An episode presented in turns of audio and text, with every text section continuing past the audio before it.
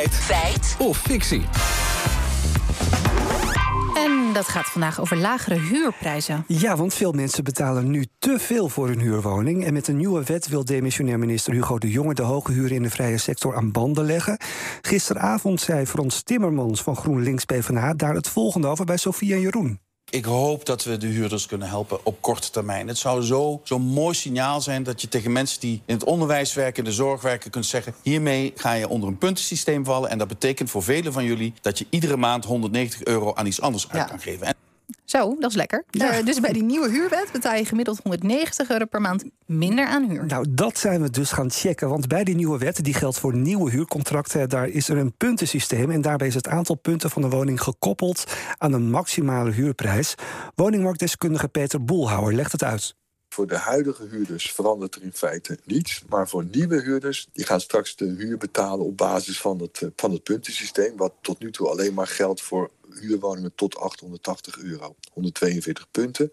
Dat wordt opgetrokken richting de 186 punten tot 1223 euro. En dat betekent dat, dat een deel van die woningen, dat die straks ook gereguleerd gaan worden. En dan kun je dus niet meer de maximale huur vragen.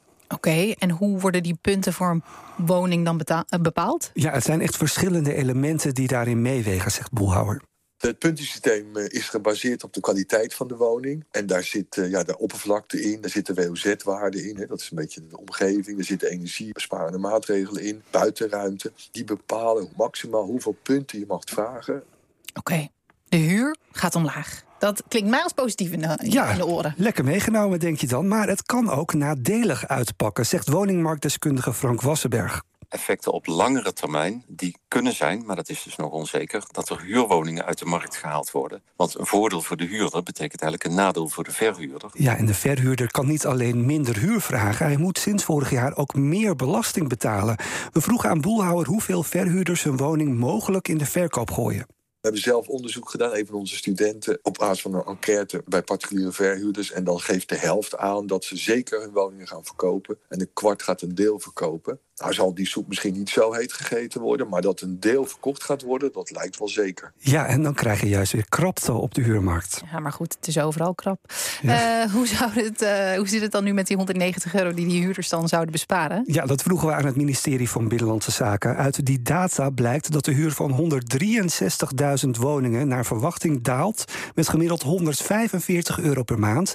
En daarnaast gaan nieuwe huurcontracten in het middensegment omlaag, waardoor de huur van 157.000 woningen gemiddeld met 240 euro per maand daalt. Nou, neem je daar nou het gemiddelde van, van die 145 euro en van die 240 euro, dan kom je uit op ongeveer 190 euro per maand. Oké, en wie gaat het dan controleren? Ja, dat moet de gemeente doen, vertelt Wassenberg.